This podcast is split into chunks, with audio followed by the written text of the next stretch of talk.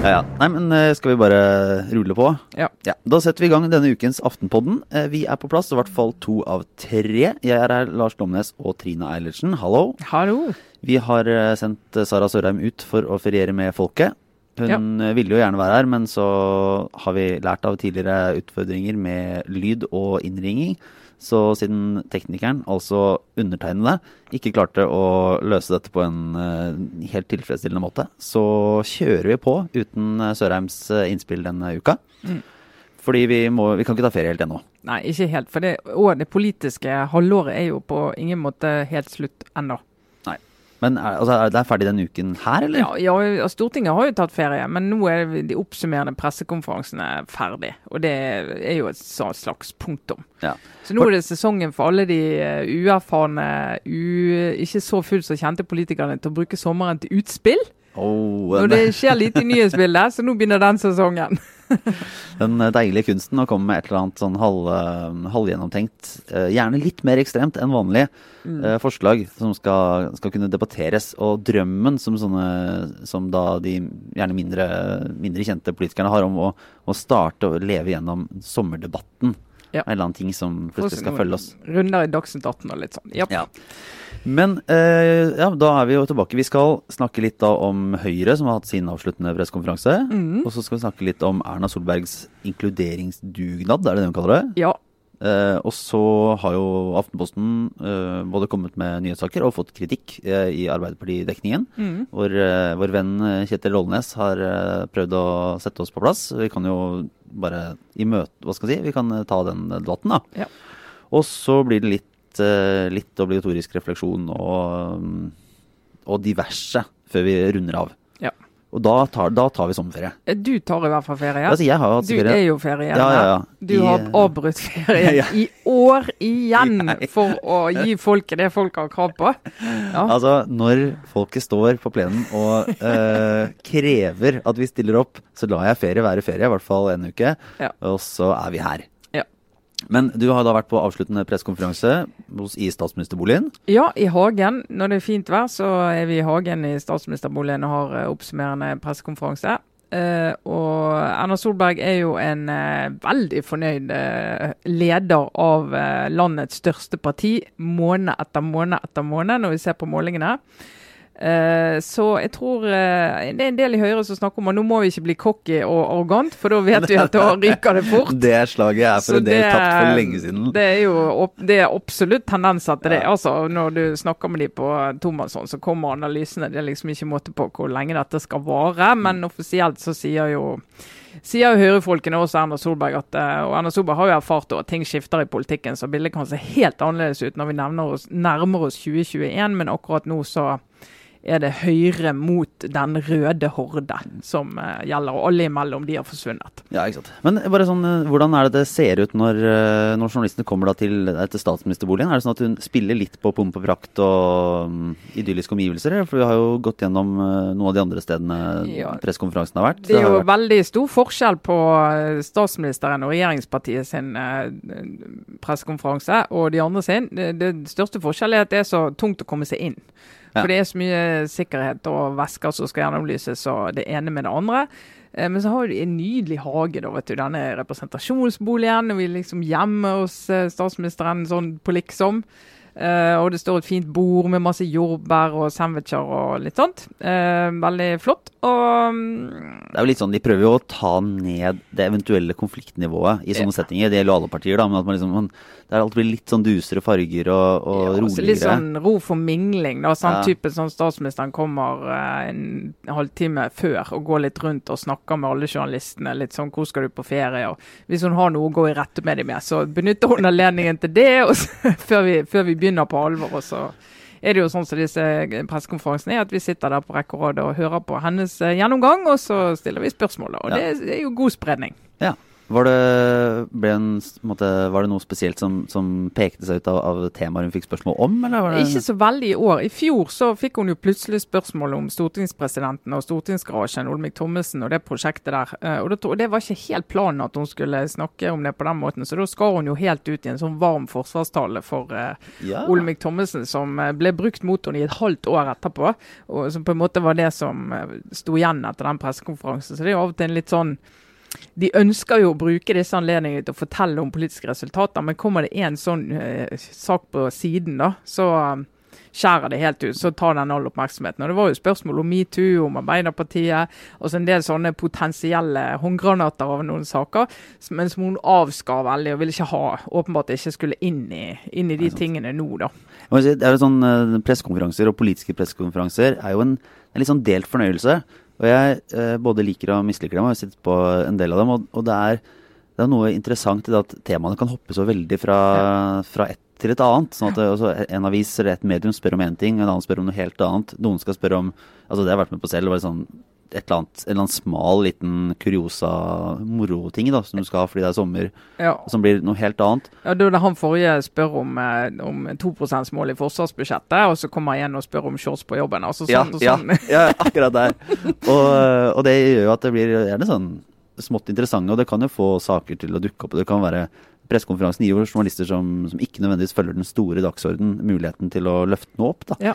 Men det er jo også det er litt for sjelden at man ser at at journalistene måte, bruker pressekonferansen til å bygge press på et eller annet tema som faktisk er vanskelig. Ja. Ja, det, det, er riktig. Og nå, og nå, var det ingen sånne saker som alle var opptatt av. Type som VG var opptatt av forsvar, eh, flere var opptatt av regionreformen Finnmark-Troms, og, og, noen var opptatt av eh, ja, nederlag i Stortinget. og veldig, Alle er jo opptatt av KrF, selvfølgelig, men det har vi på en måte snakket om så mange ganger at det kommer ikke noe nytt ut av det nå. Ja, de er velkommen i regjering. og så, ja. Eh, så det var, det var ikke noen, eh, noen, sånne noe. Men det er klart det Erna Solberg har snakket lengst og mest, og mest, eh, med mest innlevelse om, det er jo denne inkluderingsdugnaden. Som er en sånn ja, når, inn, når, Venstre gikk inn i regjering, så kom dette ut som en del av regjeringsplattformen. Og de skal ha en dugnad da, som alle skal være med på partene i arbeidslivet, eh, frivillige organisasjoner, attføringsbedrifter, eh, organisasjoner rundt omkring.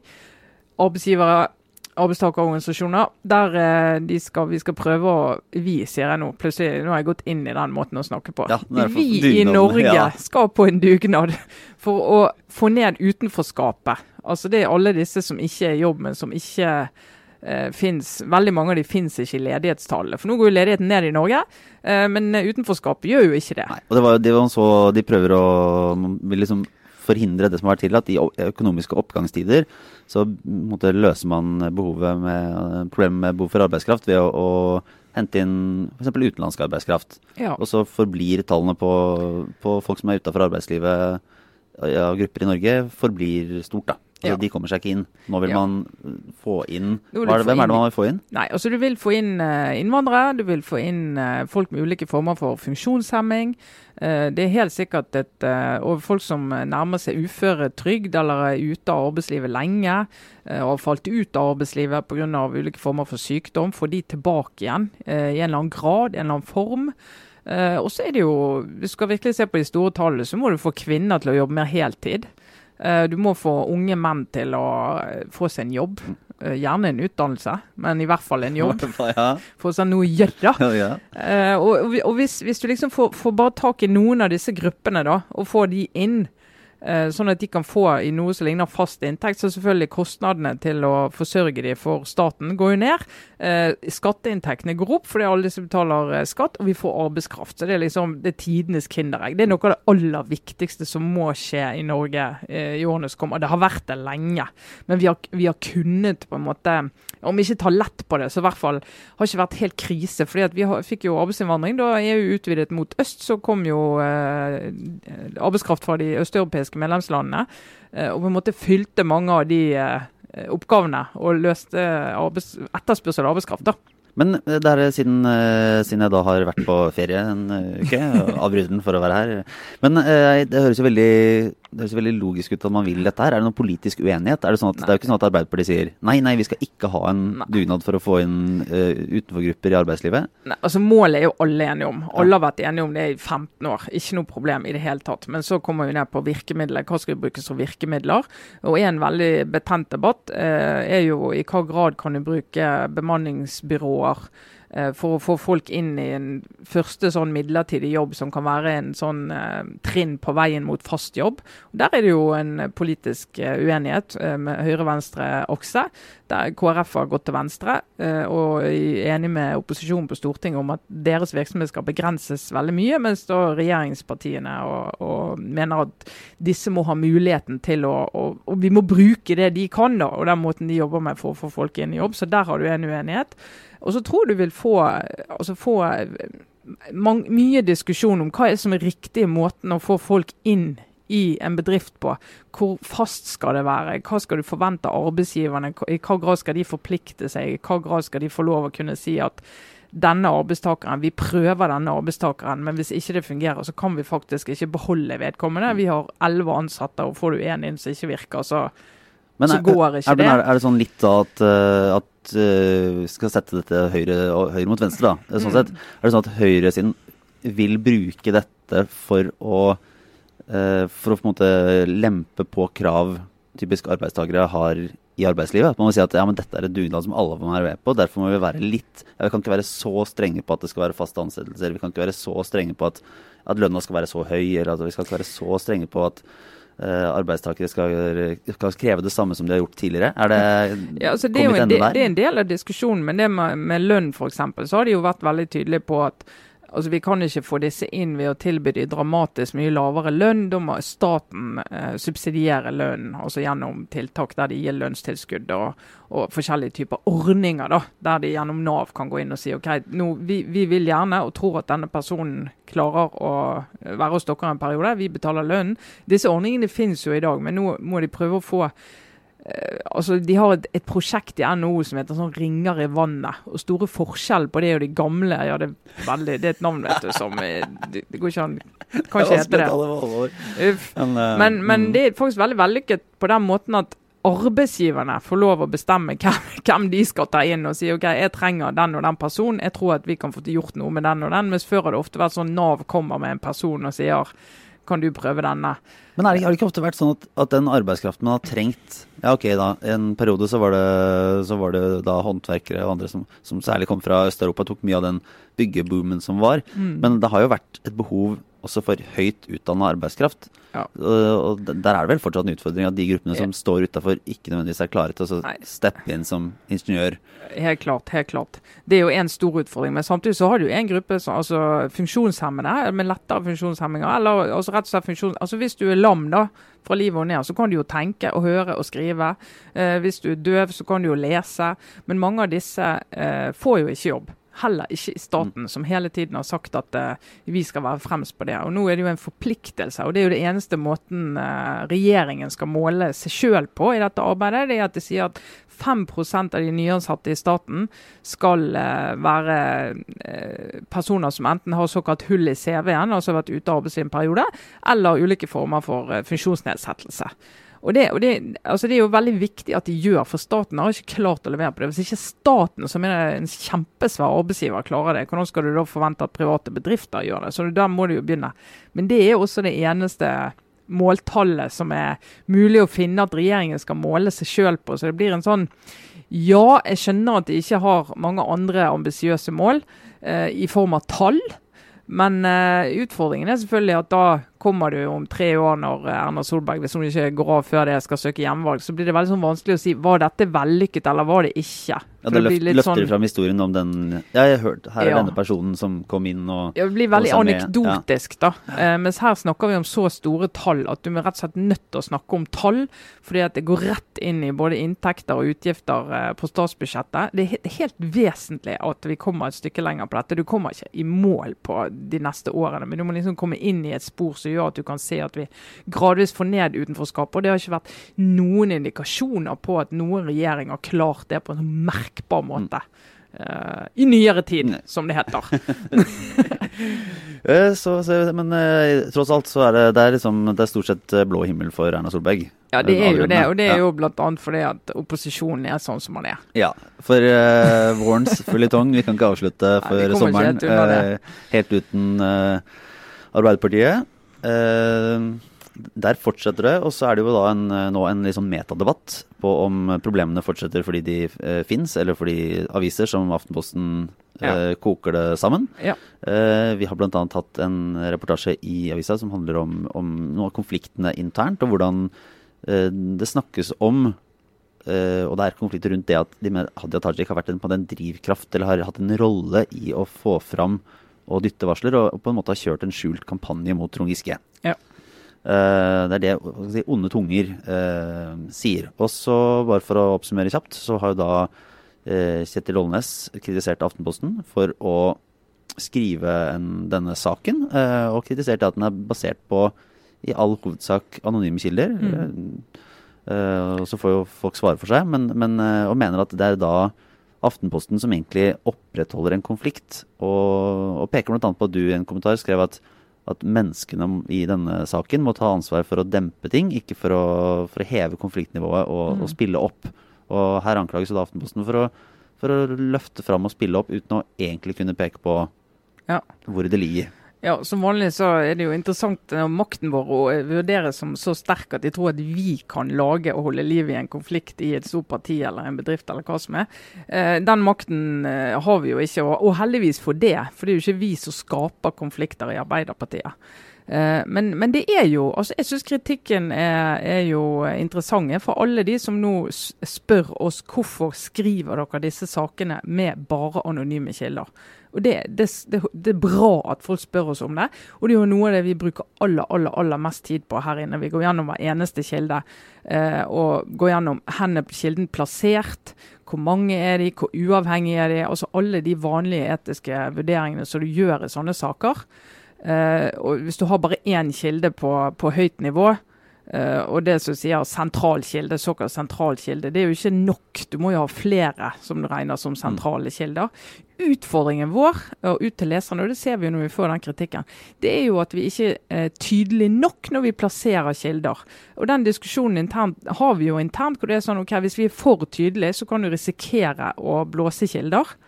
Uh, men utydeligheten gjør at folk lurer på hvem, altså, hvem er dette. Er de sentrale? og Er det bare noen som spinner dere? Er det noen som har ringt og sagt at dette skjer? Har dere undersøkt det? Og bare sånn for å, liksom Helt basic, for det vet jeg har jo faktisk fått spørsmål noen ganger. sånn, ok, Hva er en kilde? Ja. Altså, det, det, Mye av journalistikken, og, og, særlig den politiske journalistikken, baserer seg på at, at vi som journalister går til en person som sitter et sted, vet, uh, vet mye om hva som foregår. Uh, å snakke med dem uten at de trenger å bli sitert på det. Mm. Ja, de, de, forteller oss åpent og ærlig, eller med sin agenda, det må vi ta hensyn til, mm. uh, om hva som skjer. Og så gjør vi en vurdering på, på den informasjonen. Og for ja. å forstå situasjonen bedre. Og da, det er et av de liksom, helligste prinsippene vi har, er at hvis noen snakker med oss og, og forteller noe eller eh, varsler om noe eller, eller uh, sier noe om hva er og vi har gitt dem vårt ord på at vi ikke skal røpe dem, så kan ikke vi kan ikke vi da gå og peke på den Ja, det var den og den som sa det. Ja. Det er jo ja, Da nei, nei, det er bryter vi vårt uh, et av våre fremste bud. Ja, og det er jo sikreste måten å, å, sørge for at folk ikke snakker med oss i ja. andre vanskelige saker. Men, uh, men, men, men altså, dilemmaet er jo at i sånne saker, uh, og sånn ser det ut fra utsiden, så er det jo alle har en agenda. Alle har lyst til å spinne sin historie. Og spinne altså hva, spinne i mitt hode er jo litt sånn at du prøver å servere en virkelighet som du vet ikke er helt sann, men som gagner deg. Mm. Uh, min opplevelse i denne saken her, det er at folk sitter på forskjellige steder i partiet og har altså genuint vidt forskjellige oppfatninger av hva som har skjedd virkelig vidt forskjellige oppfatninger. Helt sikkert folk som også spinner der, men en del mennesker som du vanligvis kan stole på, de har helt oppriktig eh, forskjellig oppfatning. Eh, og så prøver vi å fortelle eh, altså Rykter tradisjonelt i mediene så Vi får jo tips om oss rykter. Eh, eller kall det rykter, kall det tips. Og Så sjekker vi det, og så finner vi ut at det ikke hold i det, så lar vi være å skrive om det. Eh, vi, vi, går ikke videre med det, for vi, vi, skal ikke viderebringe rykter. Eh, men opplevelsen i denne saken er jo at dette er et såpass stort tema på så sentralt nivå i partiet at det er et problem for partiet. Ja, for Det oppstår jo at når ikke, det er jo ikke det at, eh, at det er innholdet i ryktet som er problemet, det er jo et problem at konflikten er så, konfliktnivået er så høyt. Ja, den er og de historiene som fortelles og den oppfatningen som, som has av deler av partiet er så, er så, så, så sterk da, Ja. at, at det er et problem. Selv om, selv om det egentlig, som vi skriver, det er ikke noe sånn det er ingen som kan peke helt konkret på noe som underbygger det faktum altså, som, som sier sånn Nei, sånn er det. Hadia Tajik har uh, drevet en hemmelig kampanje. Det er ikke det som er saken, egentlig. Nei, Saken er at, at veldig mange, eller ikke veldig mange, men at, at i hvert fall no, noen sentralt i dette partiet uh, tror dette, og det blir et problem for hvordan de samhandler. Ja, mange nok sentralt Uh, tror på det de tror, og de ville aldri kalt dette rykter. Eh, de vil kalle dette en, en oppfatning, og at de leser saken sånn. Eh, sånn at eh, med en gang du sier rykter, så er det jo et eller annet som er eh, du nesten kan si ikke riktig. Eh, men for de er det riktig. Og det gjør at, eh, at det er et problem i partiet. da. For det er ikke bare spredte stemmer. Det er såpass mange sentrale at, du, at vi har sagt at OK, Si at vi ikke skrev om saken. nå. Ville, ville denne debatten internt forsvinne? Ville disse oppfatningene internt forsvinne? Det ville det ikke. Problemet ville ikke forsvinne. Dette er ikke den eneste forklaringen på Arbeiderpartiet sine problemer. På ingen måte. Men det gjør det vanskeligere å løse de andre problemene. Altså å gå inn i, inn i de sunne, åpne politiske debattene. Det står i veien for de. Og Derfor så mener jeg det er relevant å omtale det. Eh, og så må vi selvsagt høre på, eh, lytte til kritikere som sier men, men vi skjønner ikke. Dere forklarer ikke godt nok hvorfor det er relevant, hvorfor dere nevner det som blir omtalt som rykter, eh, og, og hvorfor dere bruker anonyme kilder. Eh, så mener jeg det, Vi har tatt den diskusjonen, men hvis ikke det kommer tydelig ut, så må vi liksom diskutere det. Ja. men kommer eh, Jonas Gahr Støre til å ta seg en sommerferie med et smil om munnen? da? Ehm, altså det er jo, jeg, jeg, håper, jeg håper jo han tar seg sommerferie, for det kommer ikke til å bli, høsten kommer neppe til å bli lettere enn våren har Nei, vært. nei, er det en mann som har fortjent det? Så- Ja, han har jo fortjent uh, sommerferie. Juleferien røk jo, og alt har gått og sånt. Men uh, det er jo Altså, denne Harald Kjeldrup er byrådsleder i Bergen. Der raser Arbeiderpartiet på målingene. Den eneste forklaringen de klarer å peke på, er at de i Oslo roter det til, altså rundt Stortinget. Mm. Eh, Så der er jo meldingen er fra lokallagene og der ute er nå, nå, må dere, nå må dere bare ordne opp. Dere må bare rydde. Og de er litt sånn OK, drit i hvem som har rett, vi må bare komme videre. Slutt. Men, men er det reelt? For de sier jo det, de sier vel det både ja, i, i Bergen og i Trondheim så har de jo for øvrig sine egne problemer, da. Som eh, Ja, de kan, de kan ikke bare De- skylde på Oslo, det er helt sikkert. Nei, men, de, men de gjør vel, eh, man gjør vel det til dels i hele landet. Men har det, s- altså, hvor mye har det å si en sånn konflikt? Altså, kan alle lokallag og, og fylkeslag bruke konflikter i, i sentralt i Oslo som argument for at For at det det går går, dårlig. for at det går dårlig? Nei, det kan det ikke. Når det nærmer seg valget neste år, så kommer det jo til å handle om andre ting. Det kommer til å handle om lokale saker. Og du, vil få de opp på dagsorden på en annen måte. Må vi, jo, må vi jo tro da, i hvert fall, at dette ikke fremdeles er hovedtema i Arbeiderpartiet når vi kommer til neste høst. Eh, Men frem til det så er det jo bare det. Så når meningsmålerne ringer rundt og spør folk som ikke ja, de følger ikke med på politikk til dagen, og det er jo tross alt ikke så veldig mye å følge med på har vært i vinter heller. sant? Og de spør kunne du, hva stemte du forrige gang, ville du stemt igjen? Så er det så mange som sier enten nei, eh, jeg stemte Arbeiderpartiet, men jeg vet ikke hva jeg skal stemme, eller så sier han jeg stemmer noe annet. Nå så jeg siste målingen som eh, Vårt Land hadde i dag, da Arbeiderpartiet var nede på 21-tallet. Der har de også hatt lekkasje til venstre, eh, ifølge eh, bakgrunnstallene som Vårt Land eh, omtalte. Og du vet, da, da da, da går det i alle retninger. Da, da går det virkelig i alle retninger. Eh, og, og frem til de får liksom sakene opp. Og så hadde, sant, De hadde jo den seieren som Erna Solberg utpekte som det største nederlaget i hva skal jeg si, kampen mot opposisjonen. Mm. Det var jo innstramningen i, i muligheten til å drive eh, innleie av arbeidskraft og Jeg merker allerede der at uh, det er vanskelig å forklare som en seier. Ja, Innstramming i muligheten for innleie av arbeidskraft. Ja, ja, det sånn, det, er, det, er, det, er, det er ikke noe sånn punch hvis du skal stå Nei. og si sånn Nei, men vi er Arbeiderpartiet, vi har fått gjennomslag for Hva er, hva er kortversjonen? Nei, det eh, kanskje du ville sagt i Arbeiderpartiet. Det er at vi har, vi har eh, sikret at flere får trygg og fast jobb. Ja. Sant? Så før ville det vært midlertidige. Det, Mm. det, sånn kan det høre ut. Ja. Sånn vil, vil høres ut. Som er en kjempeviktig sak for Arbeiderpartiet. Og det er en, en stor seier for Arbeiderpartiet. Ingen utslag på målingene foreløpig. Altså Det er ikke sånn at velgerne sitter og liksom Endelig, der kom det! Og nå vil Sigrid altså det, er sånn svært sånn tankskip som skal snu, da, når du har falt så lenge som Arbeiderpartiet har gjort nå.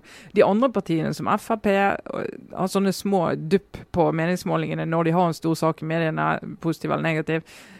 Men så er de tilbake igjen liksom på normalen etter det. Men Arbeiderpartiet klarer ikke det. De bare synker litt sånn jevnt og trutt. Så det er jo å, Lyspunktene er få, altså.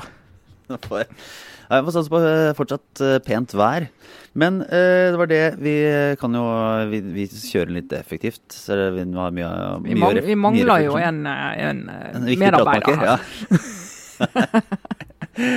ja, sitt på, sitt på hytta, vet. Og skulle gjerne vært her, som sagt. Men nei, vi har det som jeg da har hva skal jeg si, reflektert over, som jeg syns var interessant. Nå har jo da høyesterettsdommer Anthony Kennedy sagt at han vil gi seg i USA. Og det er, altså, det er et så fascinerende system, det de har.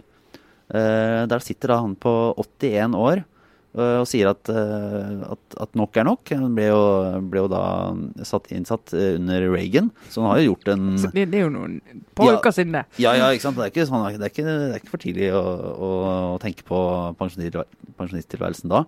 Men det setter jo i gang et enormt leven, og det er jo Uh, det er interessant å se et system der det gis så mye makt. Altså, det, skal da innsettes en ny høyesterettsdommer som foreslås av, um, foreslås av presidenten.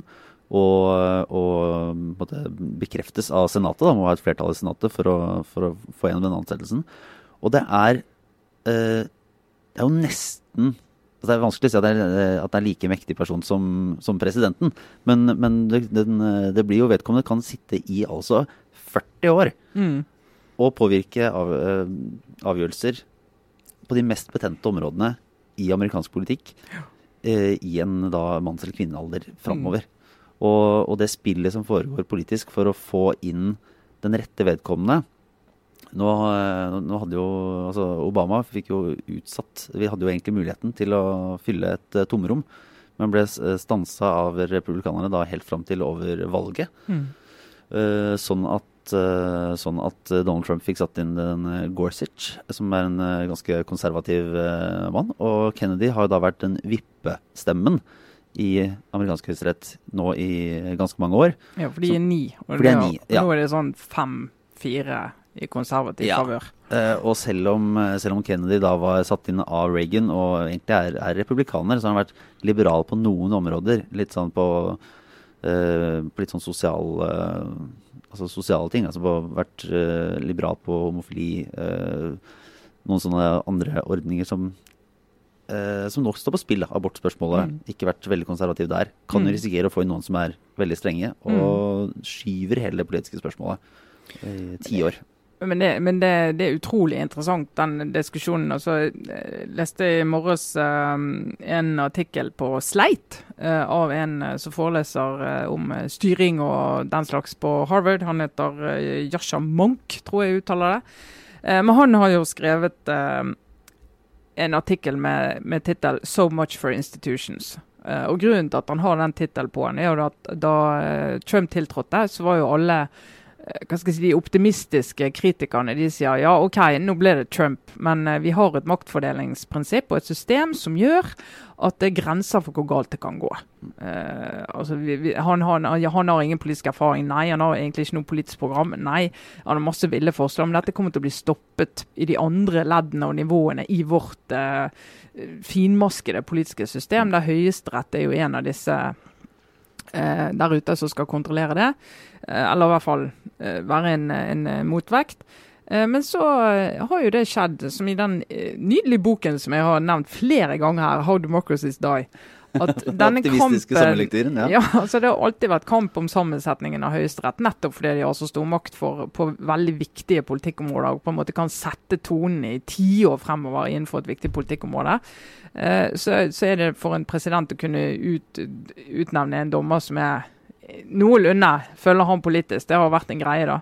Og så er det jo Altså, for oss så er jo det veldig sånn spesielt å tenke på at dommere sitter der og, og, driver med politikk, og det skal de jo heller ikke gjøre. og de fleste tilfeller gjør de jo ikke det. Eh, men de tar jo med seg sine verdier og sine måter å lese samfunnet på og tolke lover på eh, og tolke Grunnloven på inn i det, så det er jo veldig viktig. Men så har jo det, og dette var før Trump, så har det utviklet seg en tradisjon for å obstruere høyesterettsutnevnelser, eh, som har vært veldig usunn og som gjør at uh, Senatet står i veien for disse utnevnelsene på en måte som gjør at saken blir satt veldig på spissen. Uh, og For en mann som Trump så går det da helt sikkert sport i å finne noen som er enda mer hva skal jeg si, ekstrem enn det ellers ville vært. Uh, og det, det som er litt mange er bekymret for i USA nå, og også han Munch på Harvard, det er liksom at du får en høyesterett som blir liksom sementert i en sånn politisk uenighet, mm. der det blir to fløyer som skal kjempe mot hverandre, istedenfor å få en litt sånn sunn diskusjon, prinsipiell diskusjon, eh, hvor du lander riktig. At, at det er litt, litt, uventet hvor du lander, da, fordi at prinsippene tilsier at du lander på et spesielt sted. Mm. Så er det jo spennende, det var jo Republikanere brukte som argument da Antonin Scalia, som, som uh, døde og skulle erstattes av Obama, uh, for at du måtte ha en altså for å nekte Obamas uh, forslag, fordi at du måtte ha inn en veldig konservativ for å erstatte en veldig konservativ. Mm. Altså Scalia var en, en, eh, en skikkelig gammel, uh, solid, sånn super uh, bright konservativ type, så de ville ha inn da en som var politisk på, liksom, på nivå. Nå er jo Kennedy er jo mer moderat, da regnes. Mm. Så spørsmålet er jo om republikanerne nå tenker at de skal ha inn Om de følger sitt argument, eller om de går veldig trumpsk og sier at hei, nå har vi en mulighet til å påvirke. Vi skal ha inn en som faktisk dytter våre saker hele veien. Ja, og det er jo hvis de får inn en annen kjempekonservativ, så vil jo det bli lest som et litt sånn OK, nå prøver de å uthule maktfordelingsprinsippet vårt. Og det er jo når han her eh, Munch er så bekymret for institusjonene, så er det OK vi trodde Høyesterett kunne være en eh, motvekt. Vi trodde det republikanske partiet, stammen i det, eh, de moderate der kunne være motvekt. Men de har vi mistet, for alle er blitt mer enten helt usynlige, sier ingenting, eller har begynt å støtte Trump i stadig større grad fordi at det er kortsiktig riktig for de. Eh, sånn at du får, du får, færre og færre av de som skal ramme inn makten til presidenten. da. Uh, og for mange i USA, når det er så polarisert, så er jo de en stor bekymring for de. Skal bare på, uh, egentlig på, på, tampen her ta og komme med en liten sommerlig anbefaling da, for en eh, podkast som tar for seg nettopp amerikansk høyesterett. Som er veldig interessant, som heter More Perfect. Uh, som jeg kan lenke til på Facebook-siden. Som går gjennom en del tidligere saker. Og det er jo mye sånn, både menneskelig og si, statlig drama i de beslutningene som har kommet, og de dommene som har vært. Da. Ja. Så den More Perfect uh, er veldig god. Ja, veldig bra. Nå siste innreiseforbudet som Høyesterett har sagt det er greit. Er greit. Ja. ja. Um, og da min uh, lille anbefaling på slutten, som uh, vi har sikkert nevnt det før, men jeg må likevel få, for jeg har hørt så mye på det i det siste. The Daily fra New York Times. Eh, Podkast hver dag. 20 minutter om et eller annet aktuelt tema. Der du virkelig får gått litt i dybden både på migrantkrisen nå siste uken i USA, men jeg regner med at de kommer til å ha noe om Høyesterett denne uken. altså De som er interessert, må gå og høre ordentlige amerikanere snakke skikkelig om det. Mm. Ellers så, Trine, før eh, sommerferien eh, tar deg, har du noe, eh, noe går å tenke på? Nei, jeg går ikke tenker på så mye. Jeg skal, jeg skal ha ferie om en uke, og jeg og min uh, syv år gamle sønn vi skal gå en liten hytte-til-hyttetur. Så nå må vi bare Da er jo planleggingen halve gøyen. Så det, det, er vi i gang med. Ja. Finne en god sånn vandrestav, er ikke det? det ja, og så om å gjøre å finne løyper som ikke gjør at han, han, må ikke miste motivasjonen. Så det må være gøy og, gøy og glad. Mm. Men eh, det var det, det vi hadde, egentlig. For, for nå, altså. Ja. ja. Da får vi bare ønske alle en veldig god sommer. Så kommer vi til å legge ut uh, ting sånn sporadisk og så hyppig som vi klarer på Facebook-sidene våre. Ja.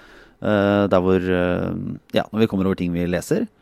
Og så kommer vi jo plutselig tilbake da, når vi finner ut at det enten har, enten har skjedd noe, eller at vi bare har ønske om å prate litt og lage podkast. Så, så om noen ganske så få uker, så, så kommer det mer. Ja, og Så får vi håpe at eh, ikke så mange følger eh, Christian Tybring-Gjeddes oppfordring om å boikotte Aftenposten ja. etter at vi hadde en leder om barn og hijab i går.